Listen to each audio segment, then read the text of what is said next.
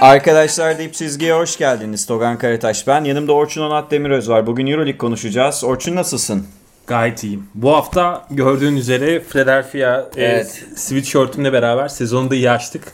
Olacak mı sizin takım? Sen Olmaz, filalı olmaz. değilsin gerçi. Filalı ya. değilim. Filalı Fila değil. benim yani sevdiğim böyle sempati duyduğum takımlardan biridir. Özellikle Rocky Balboa'dan ötürü. Philadelphia şehrini çok severim. Ha anladım. evet öyle hani bir işçi sınıfı tarafı falan da var ya Philadelphia'da. Büyük kenttir ama orada Hmm. Yaşayan hani çoğunluk daha böyle farklı Banliyö bir de var. Evet, banliyö tarafı da vardır. Severim Philadelphia'yı ama e, kulüp olarak böyle hani yazsam ilk beşime girmez öyle diyeyim. Evet ama o zaman konuyu değiştiriyoruz. NBA NBA konuşacağız. Boston'ı daha çok severim mesela. E, NBA'yi de konuşacağız bu arada gelecek hafta içi de. E, şimdi Euroleague'de tabii ki temsilcilerimizin maçlarından bahsedeceğiz arkadaşlar ama önce şu e, Euroleague'in bence bir numaralı gündemi olan ya da olması gereken Hörtel vakasını, Hörtel krizini bir konuşalım. Ben çok kısa bir iki bir şey söyleyeyim Orçun sana vereceğim. Kepazelik ya. Yani önce Örtel'in Fenerbahçe ile adı geçti ve Leo Westerman'la bir nevi takas gibi bir e, anlaşma yapıldı ortaya kondu. Daha sonra anlaşıldı ki durum pek öyle değilmiş. E, Mişko Mişko Avrupa'yı dolandırmaya devam ediyormuş. E, Sonra Barcelona Hörtel'i İstanbul'da bıraktı bir şekilde ve e, Hörtel hani Covid krizinin ortasında nasıl böyle bir şey olur diye özellikle Mike James filan ayağa kalktı. Daha sonra Barcelona dedi ki işte biz otel filan ayarlamıştık ama tepkilerden sonra bunu Allah razı abi. olsun ya. Ee, Sağ olsunlar ya. Yani e, öbür taraftan Yasikevicius işte Leo'yu değil de bol kapı istiyor filan diyorlar. Leo da henüz resmileşmedi bu arada onu da söyleyelim. Olan Leo yok. Olan Leo. Ortada kaldı adam. Leo Westerman tam şey diyordu. Ulan tam güzel böyle şampiyonla oynayan takıma Ha, gidiyorduk. F- F4 görecektik ulan diye böyle elleri kavuşturuyordu ki adam Hop, ortada olay. kaldı.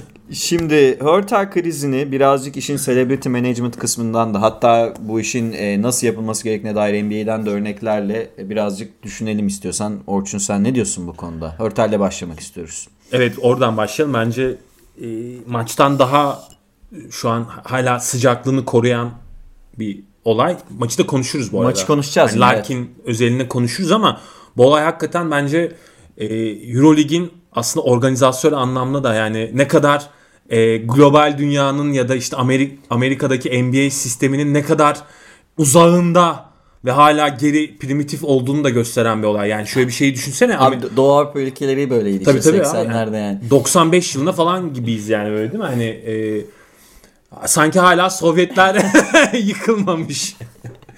E, ya gerçekten e, 2020 yılında böyle bir olayın yaşanması büyük, büyük skandal. E, bu olayın maalesef benim çok sevdiğim ve böyle hani e, çok desteklediğim coaching olarak da hani yeni bir cevher olarak gördüğüm hatta Obradovic'in tahtına aday olarak gördüğüm Saras'ın böyle bir şey imza atmış olması da beni ayrıca üzdü yani onu da açıkça söyleyeyim.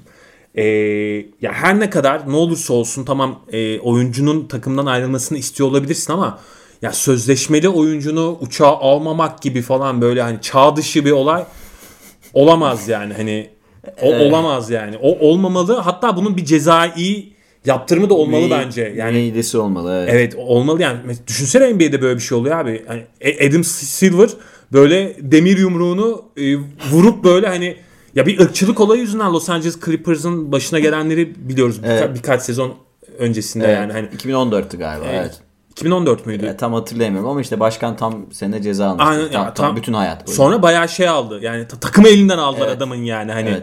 Şimdi dünya buraya doğru gidiyorken hani bir oyuncuyu takıma almamak e, işte sen takıma ihanet ettin diye e, neymiş hani uçak biletini alıp sağ olsunlar. O da O- tepkilerden sonra yapılan bir açıklama. Ya bu Yani. tür olaylar gerçekten e, nereden bakarsan bak bak yani herhangi bir izahı olmayan ve bence büyük kepazelik, rezillik e, olan bir olay.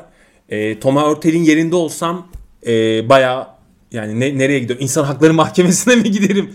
Ya da hani e, en büyük bu anlamda yani çok ciddi bir e, dava e, açardım yani. Çok ciddi yani bayağı manevi. Çünkü bir de Covid ortamı ne olduğu belli değil. Yani e, ailesi Barcelona'da yani e, bayağı sen adamın aslında hayatını tehlikeye atan e, sonuçta bu insanlar hani e, bir yerde sağlık koşullarını gözeterek e, senin onlara sağladığın şartlar doğrultusunda maçları oynamaya geliyorlar ve sen tamamıyla ne halin varsa gör diyorsun o oyuncuya yani hani. Abi Eminönü'nün Eminönü'ne bıraksalarmış yani. Daha Aynen. böyle- yani kapalı çarşının ortasına Ya- bıraksalarmış adam yani. Böyle şey mi olur? Bunun buna yakın bir kepazelik en son işte Panathinaikos başkanının e, Uça hani, otobüsle dönsünler. evet Atina'ya otobüste e, Fenerbahçe maçı sonrasında otobüste dönsünler dediği olaydı. Yani o da e, Yani. ayrı bir kepazelikti. E, yani Şimdi e, şimdi bir kere olayın bir e, iç yüzünü anlat istersen Evet, sen bu arada. e, yani özetlemeye çalıştım. Tekrar birkaç noktanın detaylarını vermek istiyorum. E, şimdi Hörtel'in Mişko ile anlaşıp e, ama tabii bunlar şey sözlü sonuçta yazılı bir metin yok elimizde. E, Real Madrid'e gitme e, amacı olduğunu medyadan öğrendik biz. Daha sonra Fenerbahçe'nin hiç ilgilenmediğini söyledik ama bu arada Fenerbahçe'nin Hörtel'le ciddi şekilde ilgilendiğine dair haberler çıktı. Hatta Bence ilgilen, ilgilenildi abi. Bence sanki ben de onu diyecektim. Sanki hani hiç de böyle e, reddet, yalanlanmadığı için Ama şu oldu. başlangıçta Ama şu oldu. Guduric e, eklenince kadroya Örtel'den vazgeçildi. şimdi Hörtel'in 1.2'lik fesih bedeli e, söz konusu. Onu almayacağı söyleniyordu Barcelona'nın. Şimdi alacağı ve hani Madrid'e giderse bu sefer işte 500 bin euroyu Madrid'in ödeyeceğine ilişkin bir yine bir sözlü anlaşma ortaya çıkmış gibi görünüyor. Ama önce şunu söyleyelim. Görünen şu an Hörtel e, resmi olarak hala Madrid'in oyuncusu değil. Fenerbahçe'nin zaten oyuncusu değil. Şimdi Barcelona'nın Mişko'nun yaptığı eee, köylü kurnazlığına vardır çünkü Sırplarda da vardır bu. Bazı konularda biz millet olarak benzeriz böyle. Tabii, Doğu tabii. Avrupa ülkeleri olarak böyle etrafından dolanma hareketlerine karşılık daha belgeli çalışması gerekiyordu. Ayrıca Hörtel'i İstanbul'da şimdi bu elimizdeki gerçek veri şu. Hörtel İstanbul'da bırakıldı ve Boboa Boboa aldı Örtel'i öyle söyleniyor. Boboa'nın e, işte Örtel'i bir şekilde güvenli bir yere götürdüğü söyleniyor. Tamam yani İstanbul savaş ortamı falan değil de yani Hörtel İstanbul'da da yaşadı daha önce de abi yani adamı öyle bırak öyle bir şey olmaz yani bırakamazsınız. Mike James ortalığı alev, aleve verdi haklı olarak. Yani bir Amerikalı oyuncu olarak buna çok ciddi tepki göstermesini bekliyorduk zaten. Ee, Euroleague'de oyuncuların sözcüsü gibi konuştu bir nevi Bayağı, Mike evet. James. Serafin'in Kevin Serafin şekilde. hatta Kevin Serafin bayağı böyle sert şekilde e, yeni yılda e, Barcelona front ofisi için beyin diliyorum falan Evet, dedi. Yani bayağı evet. sert bir açıklama yaptı. Evet. e, ardından Emiliano Çarçia'nın bir açıklaması oldu yine. O da Euroleague insiderlarından biri. İşte e, Barcelona aslında otel ayarladı, e, bilet verdi, uçak bileti verdi. Sandviç E, de vermişler mi? yani ya? eline e, patatesli poğaça da vermişler. Bu arada geçen geçen patso vermişler. geçen geçen bölümde patatesli poğaça dedin ya sen. Ona tepki var abi bak. Bu Ne o? millet bu Ne? millet patatesli poğaça yiyor. Patatesli poğaçayı ezdirmeyiz. E, Patates yerine peynirli tercihimdir. Tamam yani ama patatesli yiyen de var ona bir şey demeyelim. Şimdi durum şu. Yasikevicius ve Barcelona'nın front ofisi bence süreci rezalet bir şekilde yönetti. Tabii, tabii. Oyuncu yani Yasikevicius süresini azaltmıştı. Ee, istemediği zaten hatta istemeyeceğini de düşünüyorduk biz Hörtel'i. Hiç ona uygun değil. Hatta Fenerbahçe'ye ge- e, gelme hikayesi çıktığında da gelmesin. Fenerbahçe'yi bozar Tabii diyorduk. tabii yani bu Ee, O ayrı bir durum bu yani. olayın dışında biz zaten Hörtel'i biz beğenmiyoruz zaten oyuncu olarak. Fenerbahçe'ye gelmesi Fenerbahçe açısından direkt e, kendi geleceğini ipotek altına Evet. alması ve yeniden yapılanmayı tamamıyla baltalaması Evet, olurdu yani. iki İyi sene- ki gelmedi yani. İki, iki buçuk sene kilitlemesi Tabii. demek. Bir de Efes'in olduğu gibi. Bir de Örtel'in o kontratına zaten girmek bence delilik yani. Ama baktığımız zaman Yasikevicius'un e, World Cup'ı istemesi, işte Leo'ya ikna olması falan filan gibi şeyler söyleniyor. Şeyi düşünebiliriz. Yasikevicius da sonuçta aslında bir Doğu bloğu ülkesi e, çocuğu. Yani doğduğunda henüz e, Sovyetler yıkılmamıştı ve o dönemin kültürüne karşı eleştirel bir bakış açısı geliştirmiş olsa bile o disiplinle büyüdüğü için Abi bu adam ama NBA falan gördü ya. Kabul ediyorum. oynadı gördü falan yani. gördü ama ben sezon başı hatırlarsanız bunların hepsi doğru bunlar veri zaten de sezon başı hatırlarsanız Eskevicius'un fazla bağırıp çağıran dilinin Barcelona'da problem yaratabileceğini düşünüyordum güç sıralaması yaparken biz. Ee, maçta da bahsedeceğim. Açıkçası Eskevicius'un bu süreci yönetme biçimini hiç beğenmiyorum. Maç kötü içindeki yönetti, çok. bağırma hallerini de hiç beğenmiyorum. Yani bu kadar yetenekli, bu kadar e, teknik anlamda üst düzey bir koçun e, oyuncu yönetimi konusunda sınıfta kalması FF'tir yani. Bırakamazsınız Evet, abi evet. oyuncunuzu yani nefret ediyor olsanız bile hiç sevmiyor olsanız bile bırakamazsınız. Hakları var bu insanların. Yani sen Abi uçağı al- sözleşme yapıyorsun yani. Ayrıca Hörtel'in Sözleşmeyle haklarını Heh. koruyacağını söylüyorsun zaten. Hörtel'in suçu mu abi? İmzalamasaydı Barcelona Hörtel'le sözleşme. 3 yıl daha uzatmasaydı. Uzatmasaydınız abi PES için gideceği belliydi. Uzatmasaydınız Hörtel o kontratı size zorla imzalatmadı ya. İmzalamasaydınız. PESic'e döndü şu an. Yasikevicius. Bayağı eski kafa Yugoslav koç gibi işler yapmaya çalışıyor. Bağırıp çağırıyor. Ivanovic gibi, Pesic gibi. Yani te- teknik olarak tabii daha Teknik üst- olarak değil, bir, olaylara yaklaşım Evet. biçimi açısından. Bu bayağı bir problem. Ki bu olay umarım şey olur yani oyuncular birliğinin ben birlik olarak yeterli tepki verdiğini de düşünmüyorum onu Evet. söyleyeyim yani tekil örnekler gördük ama mesela NBA'de böyle bir durum olsa işte Carmelo ve Tabii, tabii. Kyrie Irving'den başlayarak bu iş o kadar çok yayılırdı ki protesto haline dönerdi. Tabii. Yani ben Hörtel'e bayılmadığımızı söyledim ama bence O başka. Euroleague'de oyuncular bunu protesto edebilmeli. Yani Tabii. ne demek yani siz öyle bir şey yapamazsınız. Maraba mı bu oyuncular ya? Maraba mı abi yani ki Maraba'ya bile böyle bir şey yapamazsın abi. Onu da söyleyeyim yani burada alınmasın kimse de hiç kimseye yapamazsın. Kontratlı oyuncunu götürmüyorsun. Neymiş efendim işte arkadan iş çevirmiş. Onun hukuki cezasını verirsin. Böyle şey usul olmaz abi yani şey e, İtalyanlar bu hukuku geliştirdiler. Belli bir yere geldi. 2020 yılındayız. Artık hukuk, hukukun geldiği seviye belli hukukun. Yani orta çağda mı yaşıyoruz abi? Cadı mı yakalım yani? Böyle saçma sapan bir yaklaşım olamaz. O, o açıdan ben e, daha yüksek tepki beklerdim açıkçası Ben de. Oyuncular Birliği'nden. Bakalım yani Kulüpler nezdinde de beklerdim ben. Kulüpler yani. de bir şey Bir kınama olabilirdi yani. Hani. kulüpler ya kulüpler buraya yanaşmak istemiyor. Şeyi henüz anlamış değiller. Yani e, 2020 yılında asıl popstarın, asıl rockstarın oyuncular olduğunu henüz anlayabilmiş değiller. Hala eski kafayla iş yapmaya çalışıyorlar. Evet. Bu aslında e, Barcelona'nın bence bu sezonunda etkileyecek. Hatta onu konuşuyorduk seninle. Öyle görünüyor yani. Çünkü takım içinde oyuncular Barcelona e, Barcelona'lı oyuncular Hörtel kalsın mı e, sorusuna hepsi evet kalsın diyorlarmış. Biraz mağdur hikayesi de oluştu şu an Hörtel için. E, yaptığı şey yanlış olabilir ama bu arada belgemiz yok. Yani bu da bir haber sonuçta.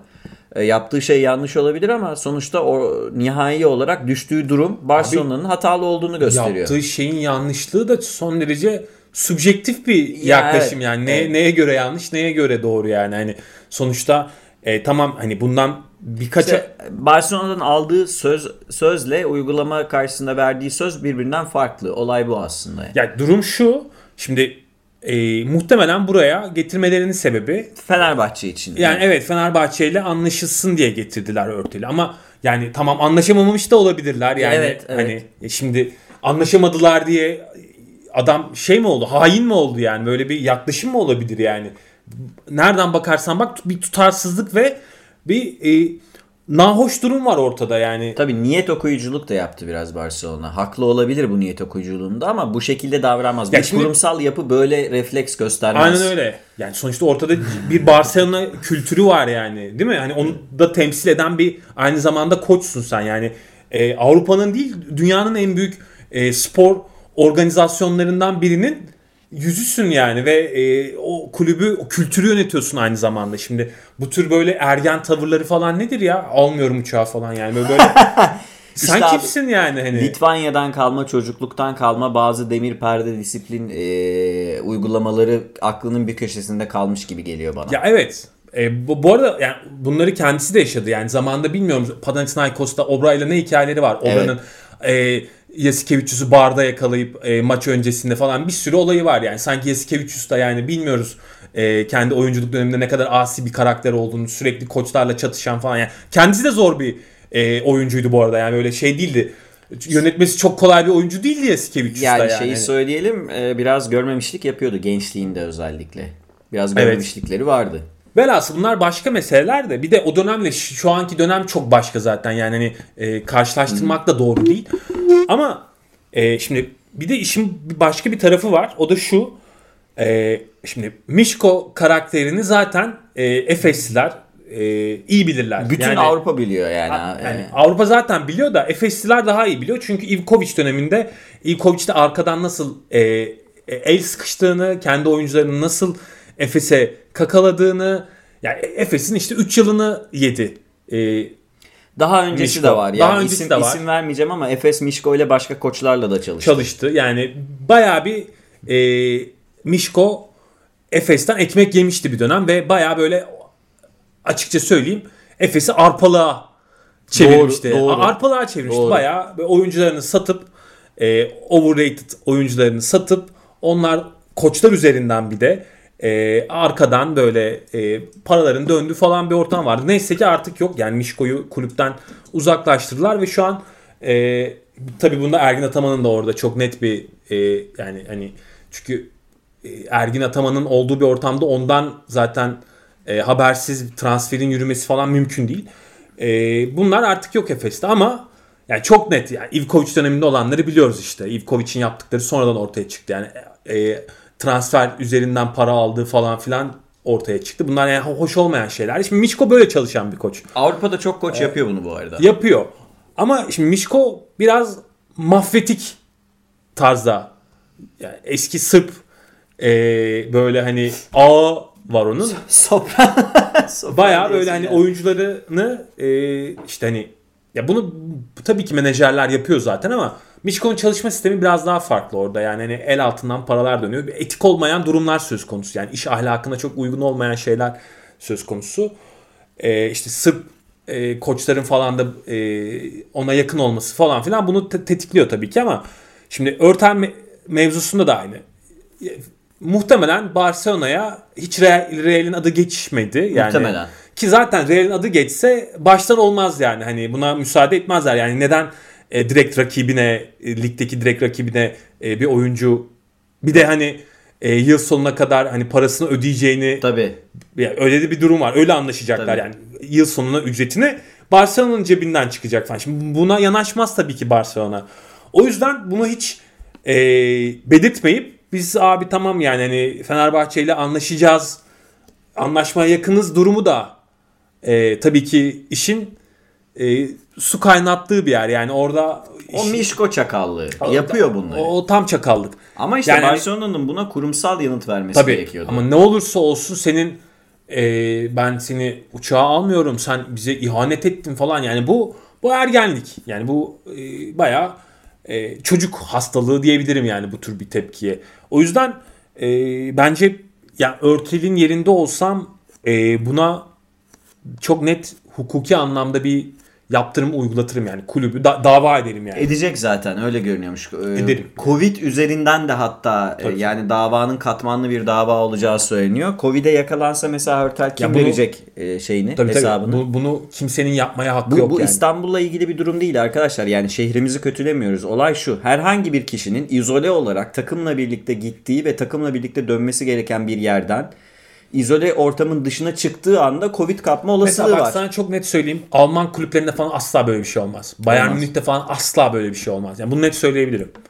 Yani Abi kadro dışı bırakırsın Örtel'i çok istiyorsan. Tamam mı? Oynatmıyorum dersin. Kadro dışı bırakırsın. götürmezsin. Götürmezsin. Falan. Evet yani. Ve dersin ki tamam yani lig maçlarını oynatırsın falan filan veya yani Hörtel'in Hörtel kötü oyuncu diye yani en azından Euroleague için çoğu koçun istediği şeyleri veremiyor diye bunu hak etmiyor. Abi kötü bir oyuncu falan da değil yani çoğu yani şimdi kötü oyuncu Kötü derken yani zirveye oynayacak takımın birinci gardı o- değil.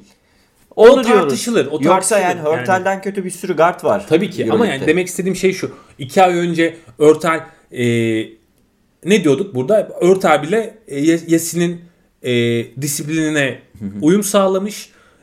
Örtel, Bir Madrid maçını çok iyi oynamıştı yani hatta. ka- kafasına girmiş Örtel'in. Onu bile motive etmiş. E, takımla aynı sayfada, aynı çizgide diyorduk.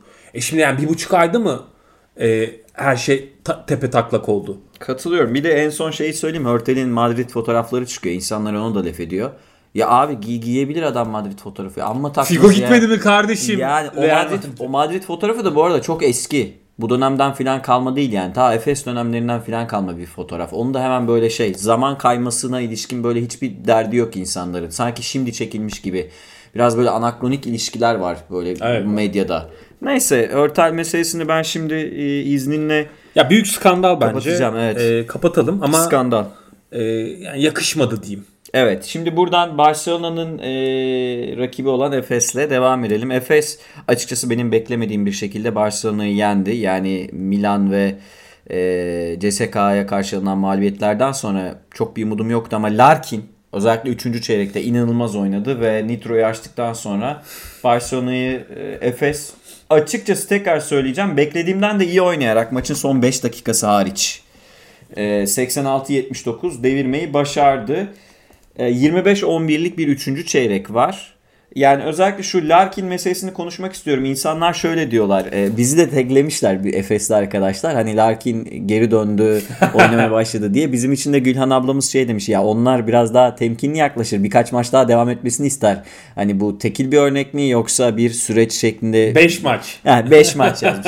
5 maç üst üste böyle oynarsa Larkin olur. Çünkü Larkin geçen sene 18, 19, 20 ve 21. haftaları üst üste MVP kapatmıştı. Bunu da hatırlatayım Bu yani. haftanın da MVP'si oldu. Evet bu haftanın da MVP'si oldu. 37 verimlilik puanı üretti. Şimdi Efes'le ilgili maçın maça ilişkin çok detay şeyleri de gördüm. Onlara ilişkin birkaç bir şey de söyleyeceğim ama sen özellikle şu Larkin'i bir konuşalım. Larkin e, tam olarak döndü diyebiliyor muyuz Orçun sence? Bence bu maç bir mesaj maçıydı. Yani e, bu maçı özel bir motivasyonla oynadığı çok açık. Hatta ben bir tweet attım yani e, oyuna ilk girdiği anda Hanga'yı soldan sol forvetle birebir oynayıp geçip e, bıraktığı bir turnike var. Ya o turnike e, o bitiriş hakikaten Efes için sezonun döndüğü an olabilir. Yani bu sezonun hikayesini ileride konuşurken e, Larkin'in takıma katıldığı ve döndüğü an o an olabilir. E, sonrasında zaten bir de e, gene birebir oynayıp soktuğu bir şut var. Bir orta mesafe var. Yani maça ritminde girdi. Ama geçen haftadan sonra böyle bir maç oynamasını zaten bekleyebiliyorduk yani. Hani böyle bir e, İhtimal dahilinde. ihtimal dahilindeydi. Zaten Barcelona maçları yani işte 8 maçlık bir Barcelona performans var. 23 sayı ortalamayla yani en kötü oynadığı maç bile e, hani e, ortaya bir şeyler koymuş Larkin. E, inanılmaz bir istatistiği var. O Yani zaman o zaman fanatik başlığımız hazır. Larkin barçaladı. seviyeyi de güzel bir yere e, çektik evet. Fanatik basket Abi muhteşem. o yani bunu söylemem lazım. Neyse. Bu klasik Evet. atılır bu başlık çünkü. Yani İspanya'dan kalma anladığım kadarıyla Baskonya döneminden kalma bir e, Barcelona e, husumeti var. Yani, yani Barcelona bilenmişliği var Larkin'de. Yani o çok bariz. E, Barcelona maçlarını ba- başka türde oynuyor. Başka bir e, keyifle oynuyor. Ama ya geçen hafta bak önemli bir olay vardı. Şey hatırlıyor musun? E, Milan maçı kaybedilirken hakikaten vücut dilleri iyi değildi. Yani Kötüydü. takım- yani o işte Ergin Ataman'ın aldığı molada e, Larkin'in tavrı, yani Larkin'in bakışları, Singleton'ın filan. Singleton'ın ama özellikle Larkin nezdinde söylüyorum. Lar- Larkin böyle sanki hani şey orada dil gibiydi yani böyle ruh gibi e, geziniyordu. Bench'te otururken böyle işte böyle başka yerlere bakıyor falan böyle hani sanki e, kuş uçuyor ku- kuş, kuşu izliyor gibi falan bir salonda böyle yukarılara bakar falan bir tavırdaydı. Şimdi bir haftada gerçekten çok ciddi bir dönüşüm var. Orada demek ki Ergin hocayla Larkin arasında özel bir bir şeyler geçmiş ya da artık e, Ergin Hoca Larkin'e baklava mı ısmarladı, rakıya mı rakıya mı götürdü yani hani e, baş başa bir böyle e, bir yemeğe mi çıktılar ne oldu yani gerçi şu an yemeğe de çıkamazsın da Çıkamazsın yok abi. Samatya'ya Ee, gitmişler. şu olmuş olabilir hani eve yemeğe Eve e, yemeğe. davet etmiş olabilir hani Ergin Hoca bunları iyi yapıyor bak yani e, Saras'ın yapamadığı bu şimdi Larkin'in bu takım için ne anlam ifade ettiğini biliyor yani Takımın kalbi olduğunu. takımın kalbinden öte Ana dinamik olduğunu. yani şimdi Efes'i bir kurt sürüsü olarak düşünecek olursak Larkin abi en öndeki alfa kurt. Şimdi o olmadan sürü hareket edemiyor yani e, etse bile hareket etse bile dağılıyor. Ya da orkestra şefi gibi. Evet yani orkestra şefi gibi ama şimdi e, ana kurt e, sürünün başında olunca bir kere e, sürünün modu değişiyor. Yani daha böyle e, her şey daha organize şekilde devam ediyor. Eski Ergin Ataman olsa muhtemelen e, Larkin'le o oynadığı maçlardan sonra e, aralar bozulurdu. Yani böyle bir işte medya önünde bir laf çakma olurdu ya da böyle bir hani e, bench'te bir atışma olurdu falan ama Rakoçevic krizine giderdi de oraları geçti Ergin Hoca. Evet şimdi hiç mesela takılmadı. Hiç takılmadı bak yani bir de tabii 3 yıldır beraberler artık neredeyse ve birbirlerinin huylarını suylarını iyi biliyorlar yani. Hani bir de e, demek ki güveniyor yani. O güveni de koç oyuncu ilişkisi olarak onu da sağlamışlar ve mesela hiç konuşmadı Larkin'le ilgili. Ritimde olmadığını söyledi sadece. Yani kazanmaya alışmış bir oyuncu için çok zor bir süreçten geçtiğini söyledi. Hatta bence çok önemli bir şey yaptı.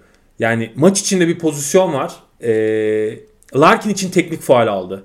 Evet Hani onu ben de Bu söyleyecektim mesela ağzımdan bak aldın. bu çok önemli bir şey. Yani oyuncusuna direkt şekilde arkandayım diyor. Yani sen bu şekilde oynamaya devam ettiğin, bu şekilde zorlamaya devam ettiğin sürece İlk yarının sonuydu galiba. Evet. Ya o zaten artık şey e, bayağı literatüre bence Ergin Ataman teknik faal olarak geçebilir yani. ya Hani- bravo ya. Bak Hani iki bu- oldu ağzımdan alıyorsun şu an. Çünkü şey Yes, Yesikevicius de dedi yani artık de, hani hakeme gidip şey dedi. Ya bu artık yani bunlara kanmayın falan dedi yani. Bunu, bunu hani sürekli yapıyor falan şeklinde. E, hakikaten yani ku- kural değiştirici NBA'de vardır böyle mesela Curry yüzünden falan değişen kurallar vardır. Hakikaten bu teknik faal kuralı da Ergin Ataman yüzünden e, önümüzdeki süreçte değişebilir yani. Çünkü o bilerek yani bayağı isteyerek teknik faal aldığı pozisyonlar var Ergin Ataman'ın. Bu da öyle bir pozisyondu. Ve Larkin'e orada açık çek veriyor. Yani sen diyor böyle hani hani motoru bu şekilde hani yakmaya devam ettiğin sürece ben arkandayım diyor. Bu işte oyuncu koç ilişkisini de gösteren bir şey. Önemli bir Evet. şey. E, ve Larkin inanılmaz bir maç oynadı. Tabii yani e, bir pozisyon daha var aklıma gelen şu an. E, tek, şey e, kasti faal pozisyonunda mesela hakemlere gidip niye hani duruyor oyun duruyor falan dedi yani hani işte hani durmasın diyor yani hani so- soğumayalım falan dediği bir pozisyon var yani oyun akmasını istiyor. Keza e, yani buradan bakınca şimdi önü, geçen haftalarda vücut olarak çok hazır değil gibiydi yani işte bitiremiyordu. O ilk adamı o kadar çabuk değildi yani. Çembere bu kadar rahat gidemiyordu. Şimdi Yasikevicius maç öncesinde şunu söyledi ki bu zaten beklenilen bir şey. E, trapler yapacağız dedi yani hani Larkin Misic ikilisine yani e, anlık sıkıştırmalar getireceğiz. Yani o işte o, e, ö- o yani backcourt'ta onları boğmaya çalışacağız. Yüksek show-up'lar yapacağız falan gibi ama şimdi Larkin tabii bu kadar iyiyken, bu kadar e, çabukken ve bu kadar patlayıcıyken onları yapmak kolay değil. Çünkü zaten ilk adımda geçiyor ve Hanga'yı bile geçiyor yani ki Evet. yani ligin en iyi birkaç e, ba- backcourt savunucularından biri onu bile e, sürkülese edip geçiyor. Şimdi hal böyle olunca bu diğer oyunculara da çok ciddi bir nefes aldırıyor. Yani Simon Simon'un bu kadar iyi bir maç oynaması tesadüf değil. Değil. Oraya ilişkin şöyle bir şey ekleyeyim. E, Efes e, 17 tane hücum ribandı verdiği, 10 tane de aldı ama yani fazladan 7 hücum ribandı verdiği maçı kazandı. Daha önce de böyle şeyler görmüştük. CSK'ya karşı bu olmayabilirdi bu arada. Barcelona'da Saras'ı eleştireceğim de şimdi Efes'in ana hücum planı şu olduğunda takım çalışıyor. Larkin den önce Mitsic öncü kuvvet gibi maçı belli bir noktaya kadar taşıyan oyuncu olduğunda yani gerek penetreleri gerek bitirişleri gerek paslarıyla bir nevi akıncı gibi oynadığında Larkin ana vuruşu yapacak oyuncu moduna geçtiğinde takım çalışıyor. İşte orada Simon 3. el olarak 3. el olarak bu önemli. Yani 35 dakika oynadı yine Simon ama 3. el olarak oynadığında yan kuvvet olarak oynadığında çok daha verimli Abi oluyor. e, top ona bu şekilde geldiği zaman o aktif dinlenme de yapabiliyor. Evet ki bekliyor oyunda yani. Evet ki Dunstan da mesela e, Dunstan'ı bu arada Leso transferini de azıcık konuşacağız. Abi konuşacağız. Bunu Efes yaparken karşı tarafta da şöyle bir şey gördü. E, belli bir yerden sonra Yasikevicius ana planının tutmadığını gördü. Yani Barcelona Pesic dönemindeki gibi hücum ribandı üzerinden hücum etmeye çalışıyor. Bu kadro yani bu kadar iyi kadro. Veya Mirot için birebirlerine kaldılar birkaç pozisyon Ama üst üste. şunu bir parantez açayım sana.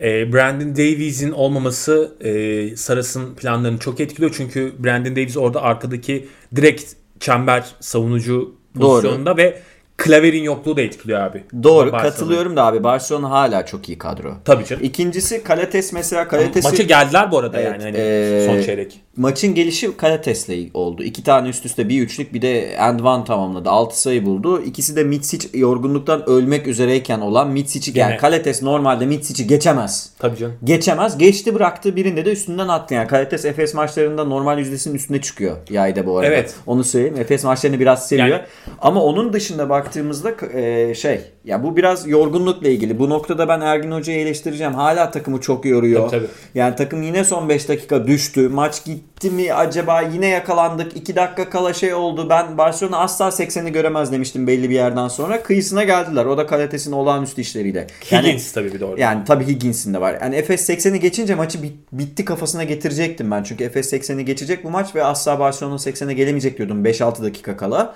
Ama neredeyse geliyorlardı. Çünkü bir anda hücumu tıkanan Barcelona e, Kalates'e sayı bulmaya başladı. Hanga'nın kullanımı gerek. E, gerek Oriola üzerinden e, aranan ekstra ikinci e, şans sayıları bayağı sahada Pesic izledim ben abi. Yani Yasikevicius'u Pesic gibi izledim. Vücut dili de dahil. Evet doğru doğru yani e, ama ana planında aslında Oriola falan yok zaten. Oriola'yı biraz zorunluluktan e, kullanmak durumunda kalıyor ve e, Oriola'nın olduğu dakikalar artı eksi olarak direkt Efes'e artı yazan dakikalar bu arada. Çünkü Oriola her ne kadar hasıl veren bir oyuncu olsa da ayakları ağır. E, yani yavaş bir oyuncu. O yani savunmada falan e, Yasin'in istediği o çabukluğu ve o atletizmi veremiyor. Ya Schmitz'ten bulduğu şutları daha çok sevmiştir muhtemelen. Tabii tabii. tabii. Ee, şimdi zaten öyle kullanıyor. X faktör olarak kullanıyor ama şimdi benim bu noktada e, Ergin Hoca'ya bir e, şurada bir e, şapka çıkarayım. Barcelona'nın analizini çok iyi yapmış. Hem yani en başından itibaren Karates'in savunmasından tut da yani e, bütün mesela e, piklerde falan hep alttan geçti Efes. E, Karates'in şutunu sürekli ki yani Karates şunu biliyor yani Karates'in şutuyla yani 3 tane de soksa 4 tane de soksa Karates e, Barcelona'nın kendilerini evet yani yenemeyeceğini biliyor. O yüzden Karates'in şutunu tamamıyla riske etti. Ergin Ataman ve ne yaptı? Onun pas dağıtmasını, onun işte ikili oyunlar üzerinden uzunları bulmasını, köşeleri bulmasını engellemeye yönelik bir plan yapmış. Çok iyi. maç sonuna kadar da büyük ölçüde tuttu bu plan Ee, aslında. ve Barcelona abi, düzenden çıktı. Bence güzel olan taraf bu. Yani bayağı e, İşte o yüzden Hanga'yı e, yine e, daha önce de deniyordu.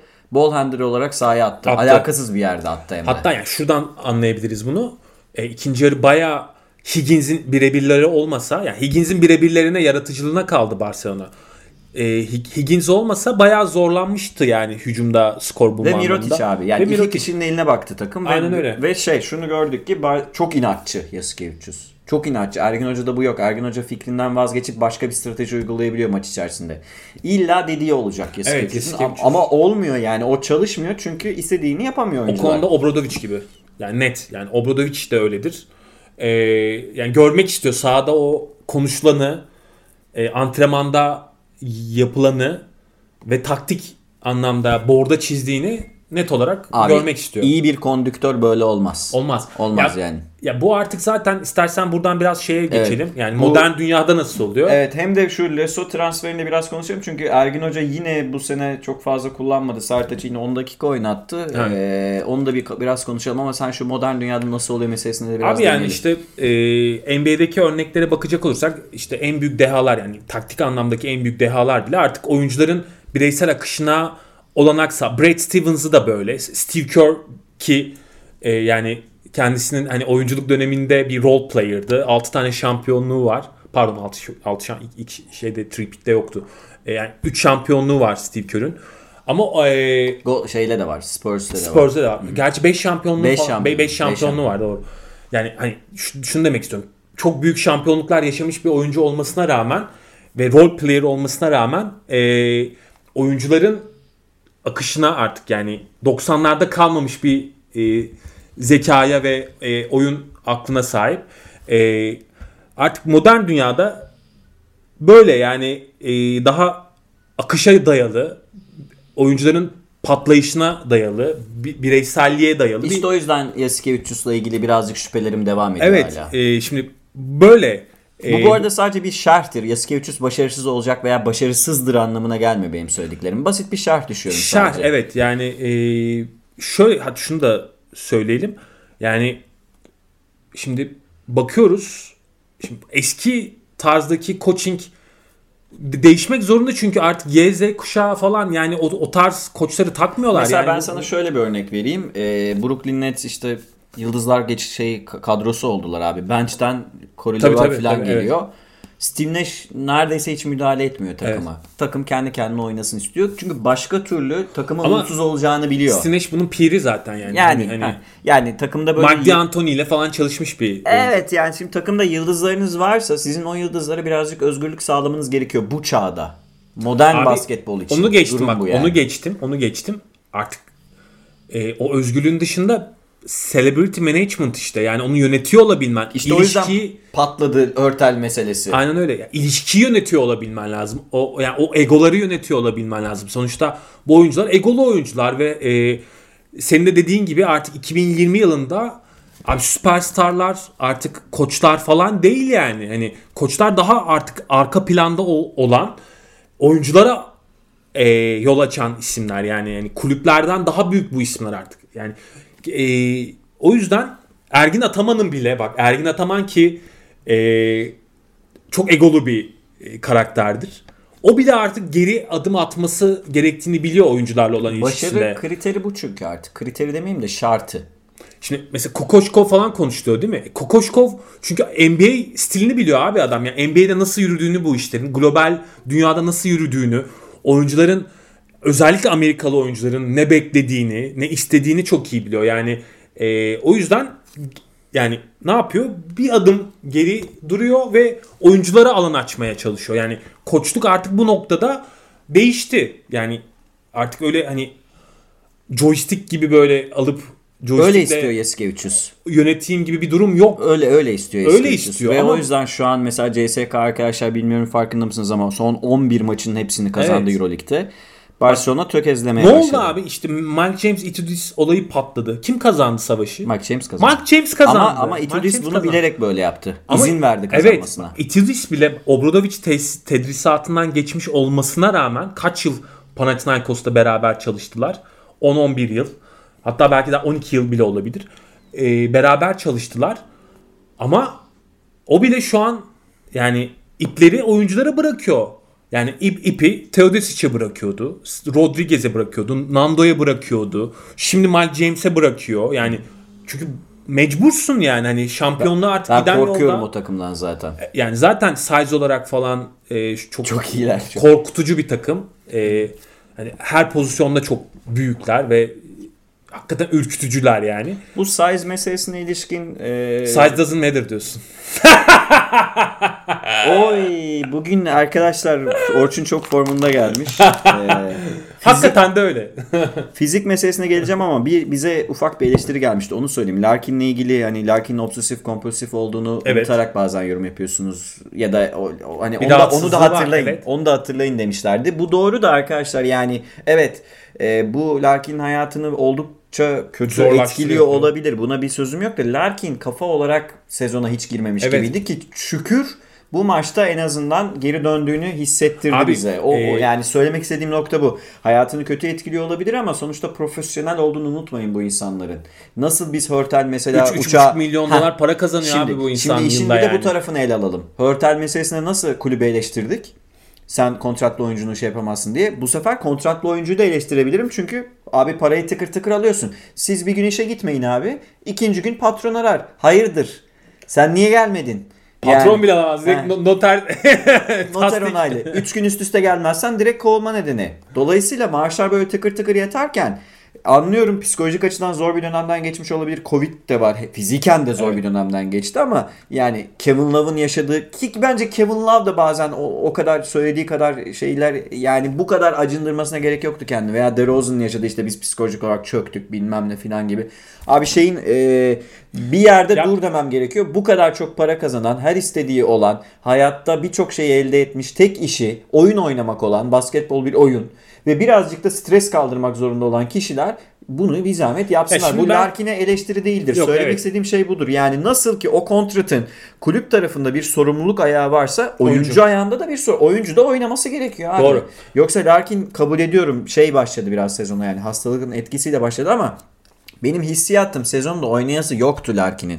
Ki ben bunu e, birkaç koç hocamızdan da dinledim. Yani Larkin'in oynayası yok gitmek istiyor sanki Togan demişlerdi bana ki şükür çok kritik bir yerde. Efes %50'nin altına inmek üzereyken galibiyette hem de ya inmişti Ya normal bu arada. kazandı. Yani e, geçen yılki performansı yani o, olağan dışı bayağı hani e, Ama sıfırdan başladı tekrardan. süperstar performansı gösterdi ve o performans üstü, üstüne NBA'den bir kontrat almayı hayal etmiş olabilir. Bu çok doğal bu arada. Yani alamamış olmasının onda bir hayal kırıklığına yol açması da mümkün. Yani hani o çünkü gerçekten rekorlar kırdığı bir sezon oynadı ve hani e, NBA'de bunun bir karşılığı olmasını beklemiş olabilir off season'da.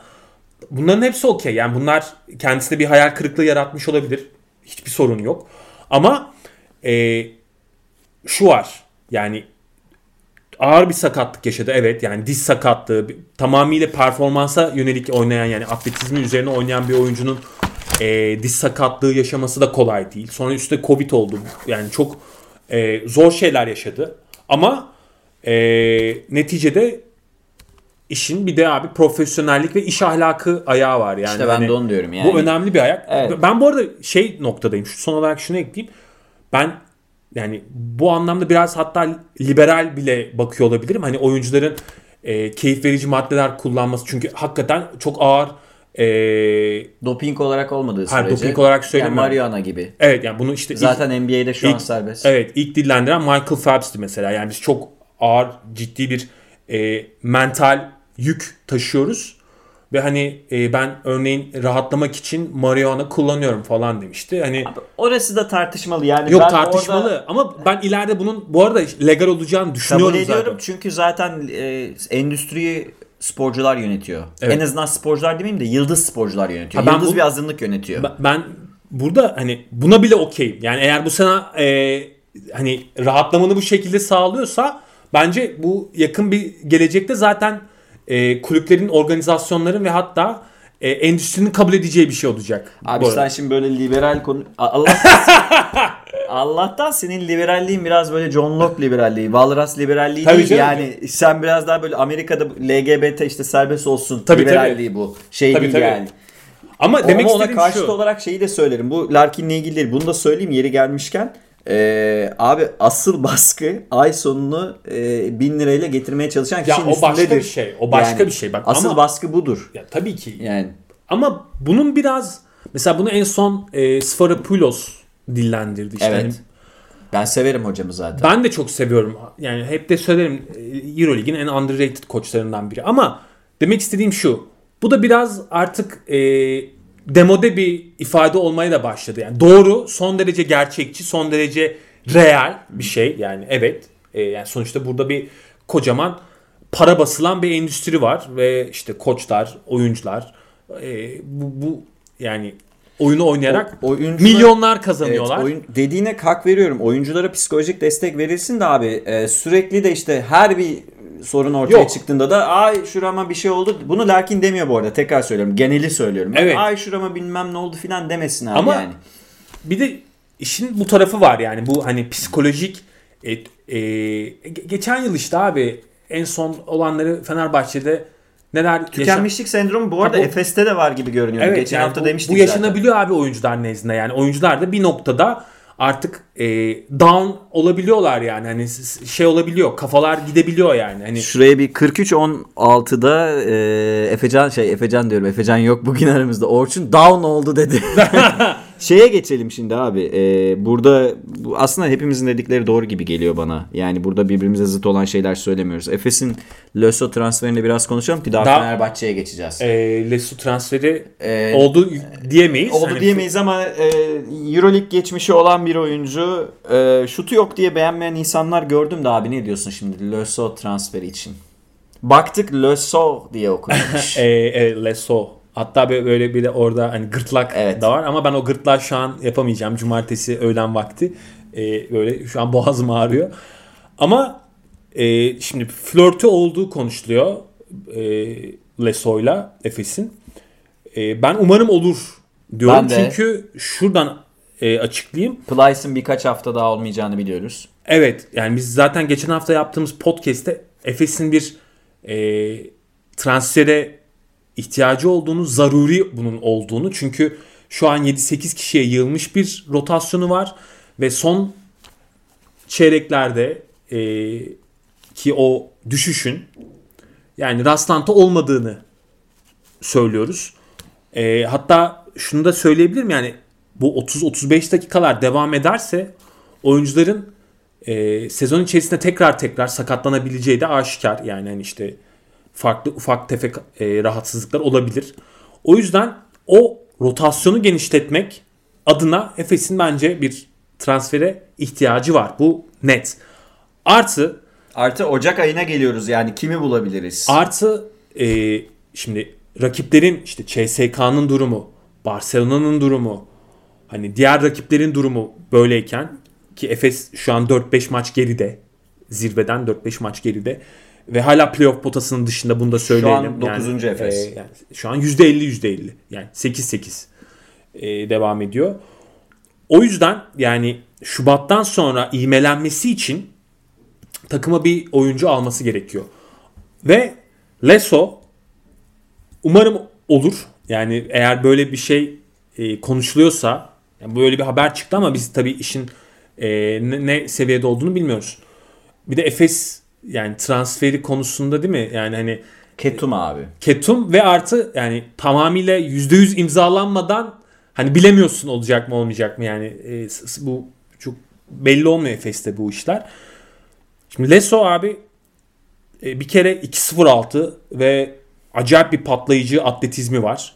O yüzden eğer gelirse bir kere Dunstan'a acayip yarar bu. Yani Dunstan'ın süreleri bir kere optimum seviyelere iner. Yani hani orada çok güzel bir dağılım olabilir yani. Hani 20-25 gibi böyle hani Dunstan'ın verimine yani ki Dunstan'ın da 35 olduğunu unutmayalım yani. O yüzden bu direkt Dunstan'a yarar. Artı Efes'in yani ben bir aslında forvete daha çok ihtiyacı olduğunu düşünüyorum. 3 numarada böyle hani 3.5 gibi oynayabilecek işte Clyburn'un falan veya işte Hanga gibi falan isimlerin karşısına kalabilecek birisine daha çok ihtiyacı olduğunu düşünüyorum ama e, böyle bir transfer e, senin pozisyon olarak da kaydırmana da yol açabilir.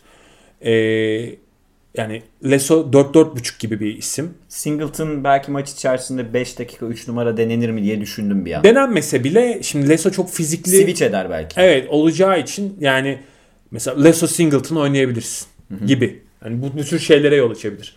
Ee, o yüzden ki Ergin Hoca 3 kartla oynamayı seviyor işte yani hani şey oynarsın mesela. Leso'nun şutu yok ama yanında şutu olan bir isimle 3 kart gibi. İşte Boboa, Misic, Larkin, Hı-hı. Simon, Larkin, e, Misic. Misic gibi. Yani hani 3 tane top dağıtıcıyla oynarsın. Oraya Moerman'ı koyarsın. Şutu olan bir birçok elinde opsiyon oluyor yani. Hani birçok seçenek oluyor. Ve rebound'a da büyük destek verir. Ha, asıl söyleyeceğim yani, o. Çok Şimdi, eziliyor Efes. Yani Efes CSK falan bravo. yani. Efes'in rebound ratio'su ortada arkadaşlar yani. Ligin sonuncusu. Bu maçı da 30 rebound'a 43 rebound bitti yani onu da söyleyeyim. Bu takım rebound çekemiyor. Yani e, o yüzden hani orada rebound desteği verecek Allah'ını seven defansa gelsin. Allah'ını seven Allah'ını seven rebound'a yardım etsin diyeceğimiz bir nokta var şu an Efes'te. O yüzden yani mesela bak Larkin'in Barcelona maçındaki rebound katkısı çok kritik. Yani bir, zaten takımın en çok rebound çeken oyuncusu. Kısa olarak o havuza düşen bütün topları aldı. Şimdi Leso gibi bir oyuncunun oraya eklenmesi direkt rebound, rebound katkısına da yazar. O yüzden Bence ayrıca box out'a da yazar. Sadece Leso rebound çekmesi de bile. Aynen. Ba- çünkü Dunstan yokken Efes box out da yapamıyor. yapamıyor. Sertaç falan hiç yapamıyor. yapamıyor. ne yazık ki. E, yumuşak kalıyor. Yumuşak kalıyor. E, o yüzden böyle bir transfer bence e, F4 hamlesi olur. Efes'in F4 hamlesi Katılıyorum. olur. Geçen sezon nasıl Singleton hamlesine ben bu bir şampiyonluk hamlesidir dediysem eğer dediysek, dediysek, dediysek sen de dedin evet. evet sen de dedin.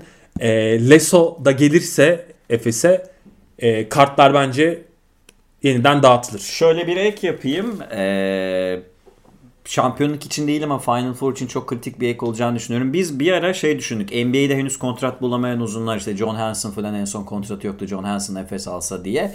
Böyle hayaller kuruyoruz böyle kendi aramızda. İşte 4-4.5 oynar blok yapar, çemberi savunur falan diye. Ya da farklı profilde oyuncular var işte Tolliver da boş mesela ama Tolliver'ın şey yapabilecek evet. yetenek seti çok farklı John Hanson'dan.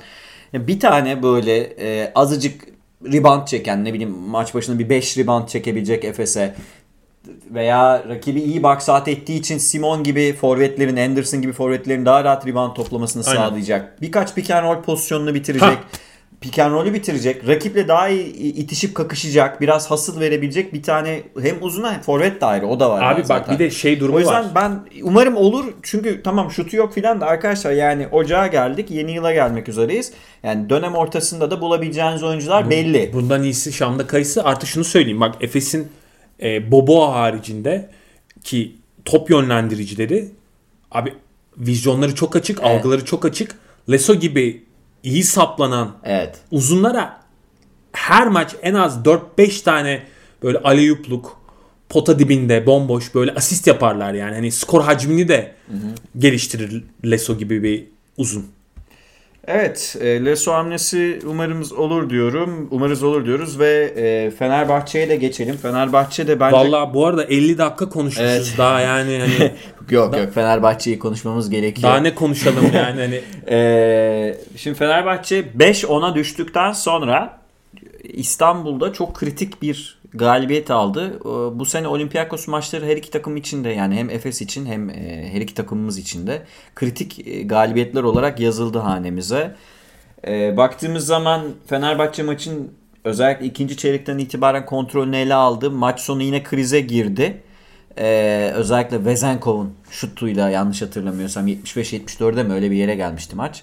Ama daha sonra yine bir şekilde almayı başardı. Şunu söyleyelim. Larkin nasıl yükselişe geçti Efes'te geri döndü. Gerçekten geri döndü. Hani fiziken değil. Bir bütün olarak Larkin A sınıf oyuncu olarak geri döndü diyorsak sanırım benzer durum Veseli için de geçerli. Şimdi Fenerbahçe'yi birkaç şey üzerinden konuşacağız ama önce ben bir iki notumu vermek istiyorum. Önce şunu çok beğendim. Ee, Bartel'in Kokoşkov ilk haftalarda bu kadar çok yapmıyordu. Tepede handoff'tan top dağıtmasını istiyor e, hücumda. Bu Fenerbahçe'nin kısalarının çok daha rahat alan bulmasını sağlıyor ve boyalı alanda daha rahat bitirmelerini sağlıyor. Çünkü boyalı alandaki trafik azalıyor. Orada işte 1-2 kişi kalıyor. Veseli veya onu tutan kişi kalıyor. Ya da olursa forvet yardım oyuncusu geliyor. 4 kişi yığılmıyor rakipten. mesela Nando buna zaten çok alışkın. Heh. Heinz ona çok böyle alan açardı CSK'dayken. Evet ikincisi de Champierre'in son bir aylık performansında ciddi bir gelişme olduğunu söyleyebiliriz. Sezon başına göre özellikle. Ve e, gelelim asıl iki noktaya. Yan Veseli arkadaşlar özellikle maçı bitiren üçlükte de Champierre çıkardığı pası hatırlayın. Sağ dipten sol forvete attığı bir pas var. E, böyle yani onun orada olda, olacağını bilerek omuzundan bakarak gönderdi o pası. Geri dönerek gönderdi. Ve tabii ki e, 8'de 8 sağ içi isabet 17 sayı, e, 5 asist, 4 reboundla Prime Yan Veseli'ye benzer bir istatistik üretti. Prime Yan Veseli'ye benzer oynadı da diyebiliriz. Çünkü birçok putback'i var. Yani atletizmde gösterdi ama bununla birlikte inanılmaz pas dağıttı. Veseli'nin asist olmayan pasları vardı diyorduk geçen podcastlerde. Bu sefer onu doğrudan asiste de yazdırmayı başardı. Takımın en çok asist yapan iki oyuncusundan biri Yan Veseli, Nando ile birlikte. Ve, ve Bartel dışarı çıktıktan sonra yani tepeye çıktıktan sonra Nando'nun senin dediğin gibi rahat penetre alanı bulmasını sağladı Fenerbahçe ama Nando'yu rahatlatan bir kişi daha vardı sahada. O da Fenerbahçe'nin yeni transferi. Bunu sana soracağım. Baktığınızda perimetre şutu girmedi belki 4'te 0 attı ama inanılmaz yapılı geldi. Ee, yani NBA'den Bir buçuk bir buçuk şey bir buçuk büyümüş yani. bir buçuk büyümüş evet. Ee, savunmada müthiş katkı veriyor. İkincisi yan e, top dağıtıcı olarak ya da kanattaki tehlikeli oyuncu olarak Nando'nun daha rahat alan bulmasını Tabii, da tabii. sağladı. Gudur için ben Fenerbahçe'ye baktığınızda sadece bir verimlilik puanla oynadı gibi görünüyor Gudur için ama çok büyük katkı verdiğini düşünüyorum. Nando'yu rahatlatan bir oyuncu oldu Guduric. Bununla birlikte tabii ki e, Olympiakos'un ben takdir ediyorum yani aslında bence sıralamalarına göre kadroları kötü. Evet. Yani biraz kadroya göre üstün başarı sergiliyorlar. Onu söyleyebilirim. Hala Sponlisler falan oynuyor takımda çünkü. Vezenkov'dan yenen üçlükleri maç krizinde konuşacağız ama özellikle şu Veseli ve Guduric özelinde sana fikrini sormak istiyorum. Guduric Vallahi- Fenerbahçe'de ne iş yapıyor? Ne yapmasını bekleyebiliriz ileride ve tabii ki Veseli'den böyle bir patlama bekliyor O muyuz? zaman Veseli'den Evet. açayım. Çünkü maçı Veseli kazandı. O Tabii. krize giden maçı da o geri getirdi Ya tekrar. o Dechampierre'in e, maçı bitiren şutun asisti Veseli. Veseli'den geldi. Ya Veseli bayağı A segmentasyon bir uzun gibi böyle hani oynadı. Hakikaten maçın her alanına, her e, böyle e, departmana, böyle her e, noktasına değdi yani böyle dokundu. E, hakikaten e, e, özlediğimiz bir Veseli performansı izledik. Ki o sakatlık sonrasında Veseli'nin oyununun değişmesi çok normal. Yani bu e, yani Fenerbahçeli arkadaşlar buna e, Alışsın. al- alışsalar iyi ederler çünkü e, o iki tane o ağır diş sakatlığından sonra yani, Yani Amare Stadımer gibi uçmayacak artık tabii tabii Veseli. tabii yani mümkün değil zaten yani Veseli'nin oyunu da sonuçta atletizme dayalı bir oyun. Hani o uçalım Veseli artık kolay değil arkadaşlar yani o, o diş sakatlıkları çok ağır sakatlıklar.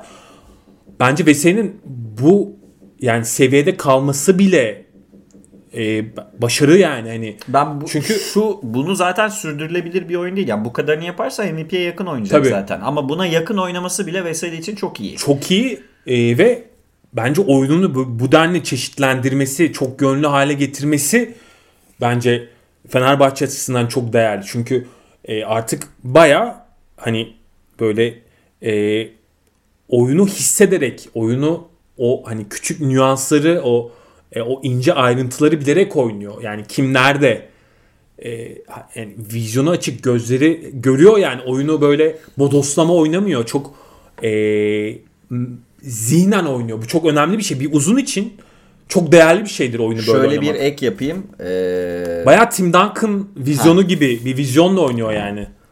oyun Veseli için daha yavaş akmaya başladı. Evet. Yani oyunu daha rahat görebiliyor. John Stockton gibi göremiyor belki. Yani John Stockton oyunu bir böyle... görebilmesi zaten Yani çok mümkün John değil de. Stockton'la ilgili meşhur laflardan biri işte böyle herkesi sağabilir, sayabilir, herkes nerede durduğunu söyleyebilir John Stockton. Yani fotoğraf çeker kafasından. Veseli belki bir e, ne bileyim Papadopoulos gibi fotoğraf çekemiyor ama bir uzun için oyunu ciddi şekilde yavaşlatabiliyor ve yavaşlatmış, yavaşlam yavaşlatma derken gerçekte yavaşlamıyor.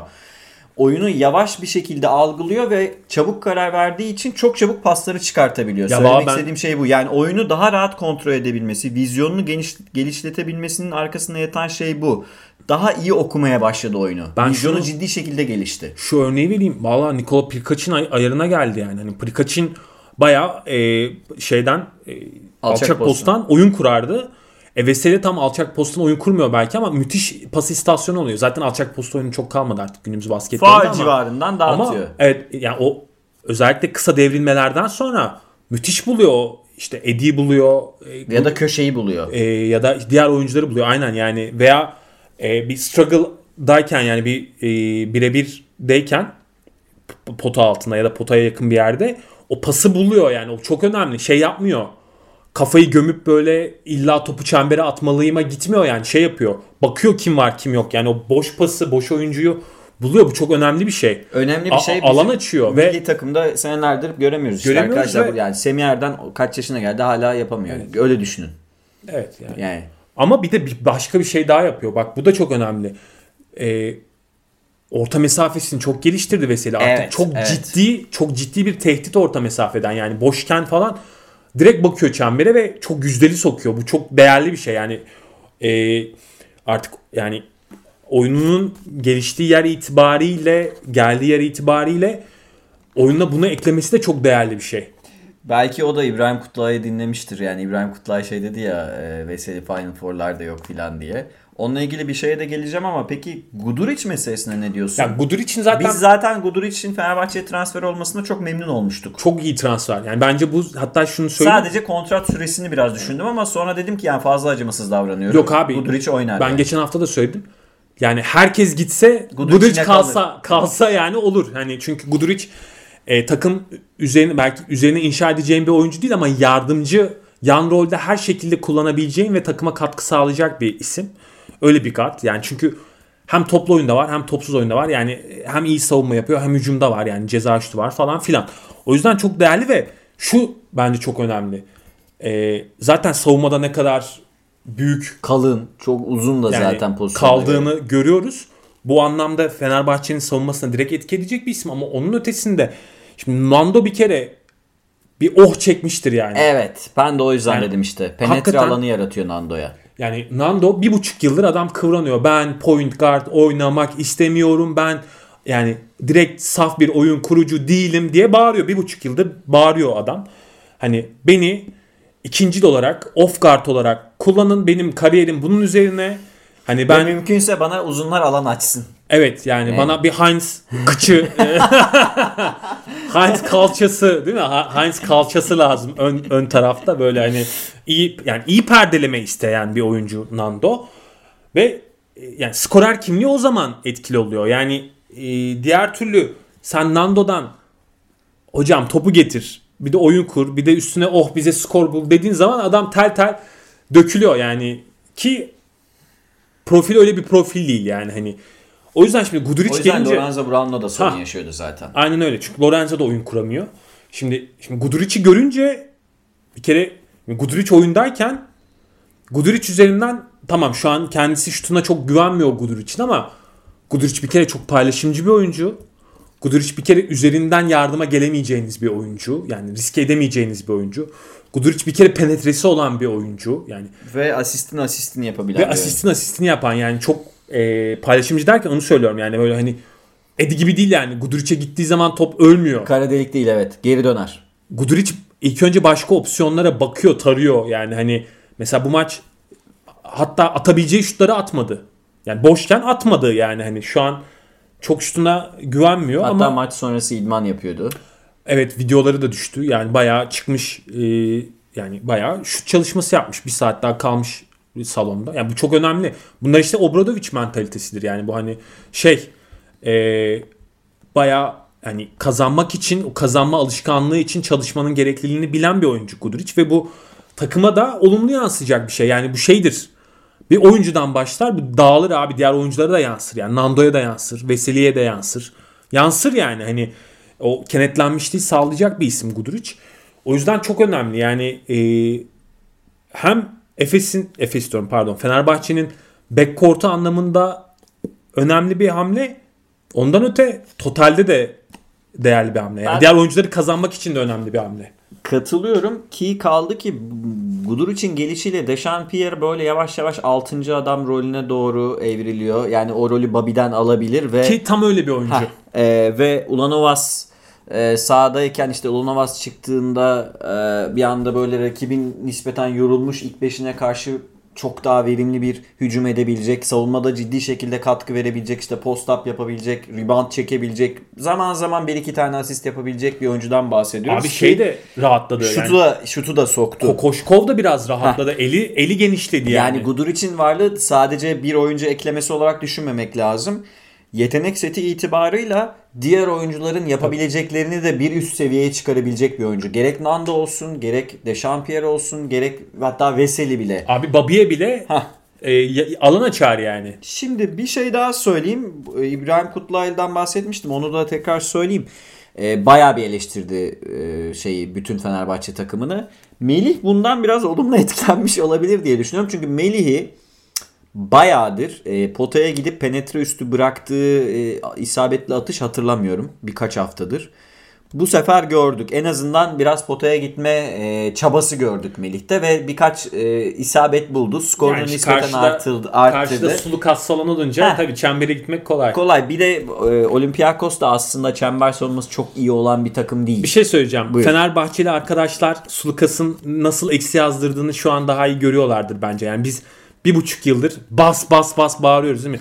Sulukas'ın box, skor, istatistikleri yanıltıcı, yanıltıcı, Evet, yanıltıcı, yanıltıcı. yanıltıcı. İşte bak karşı rakipteyken Sulukas rakip yani guardlar ne kadar rahat böyle eline alan hop vurup gidiyor. Yani Olympiakos Olympiakos yani Fener ne zaman kazandı maçı? Olympiakos Spanulis, Lucas Gart ikilisiyle oynarken Zaten ortalık niye, pazar yerine dönüyor yani. niye böyle niye böyle bir şey denedi onu da anlamış değilim hoca ama şeye geleyim. E, Sulukas'ın mesela baktığınızda highlightlarda e, ciddi böyle çok güzel pasları var. Bir iki tane Var. pot altına bitirdi ama maçın özetini izlerseniz Sulukas iyi maç çıkarmış görünüyor. Maçın tamamını izlerseniz Sulukas'ın ciddi şekilde savunma defeklerini Abi göreceksiniz. ye- yedirdiklerine Ya. bir, bir bakmak lazım. yedirdikleri özellikle ayak yavaşlığı nedeniyle ve hücumda da aynı şekilde tamam pası veriyor da topu öldürüyor Sulukas. Bir de bu ya bu özelliği devam ediyor. Yoksa Sulukas da belli bir seviyenin üstünde bir guard. Buna bir şey demiyoruz. Yani Olympiakos için bu Olympiakos kadrosu için iyi Tabii. guard. Ama Tepe için sorunlu. Dolayısıyla bu maçta Fenerbahçe'nin guardlarının özellikle Nando'nun Bartel pikleri sonrası veya Bartel handoffları sonrası leblebi gibi faal alması, potaya gidebilmesi Fenerbahçe'nin ana hücum planı olacak gibi görünüyor bundan sonraki haftalarda. Ve Veseli'nin devrilmeleri ya da fake devrilmeleri böyle Evet. de- tam pike gelmeden yarım devrilme de yapabiliyor Veseli.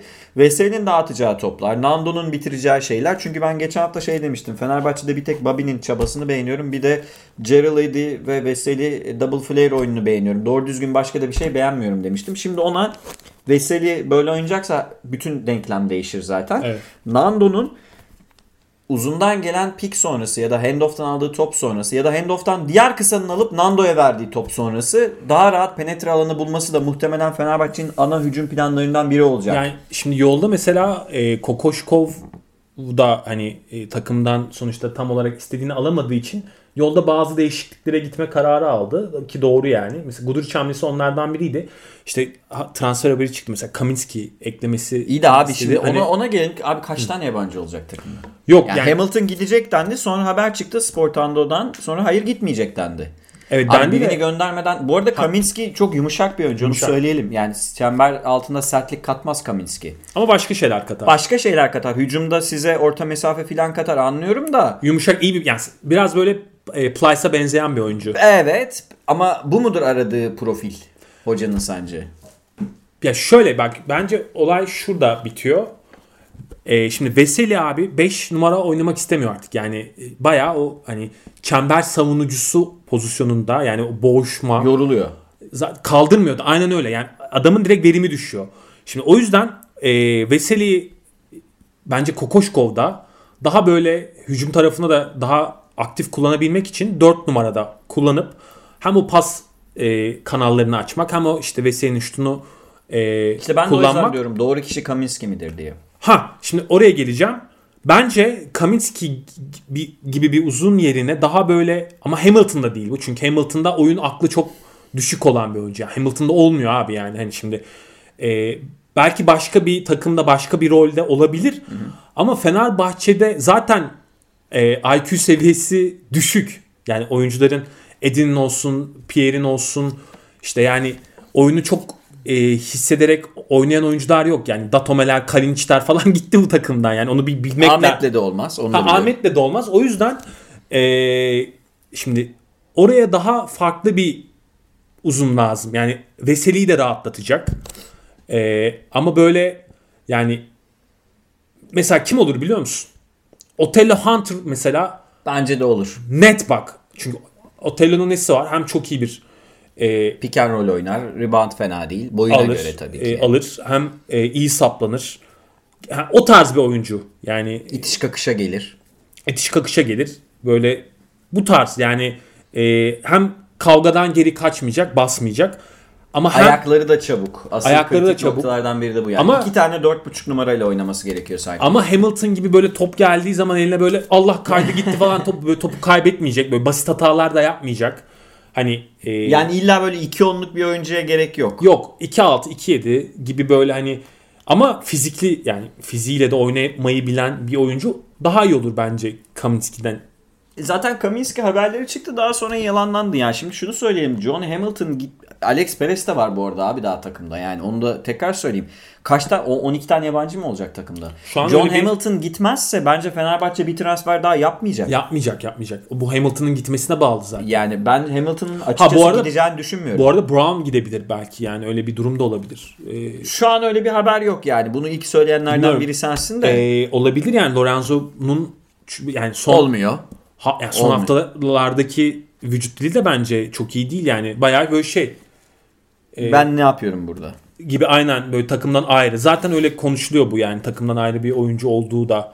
e, bir- Oyun yapısı itibarıyla da biraz takımdan ayrı. Belki İzole kişi- bir karakter. Yani karakteri öyle olabilir ama oyun yapısı da biraz öyle. Yani Kızılyıldız'da ana rot, ana parça olarak ya top onun eline verilecekti. Çok fazla yani dedim kusura bakmayın. An- ana rotasyonda top onun elinde ve istediği gibi full özgürlükle oynuyor. Tabii canım. Şimdi öyle değil. Daha belli bir rolü oynamaya çalışıyor. Onu yapamıyor. Bu zaten Lorenzo Brown gelirken yaşanması muhtemel tehlikelerden Biriydi. biriydi. Kaldı ki saf bir oyun kurucu olmadığı için başka problemler de yaşıyor. E, istediği transition'ları da bulamıyor. Bir de şu an şeyi tekrar söyleyelim. Fenerbahçe'nin şu an ana hücum planlarından biri Lorenzo Brown'un transition değil abi. Daha efektif çözümler var. Nando üzerinden bulunacak, Veseli üzerinden bulunacak, Gerald'ın şutu, e, Deşan'ın post Yani- gibi alternatifler var. Şu var bak e, şimdi Perez transferi sonrası ve Guduric transferi sonrasında şimdi Nando bir kere mutludur. İyi de peki Lorenzo gidecek de abi o kontrat öyle hadi git olmuyor işler. Birinin bulunması lazım kontratı verecek.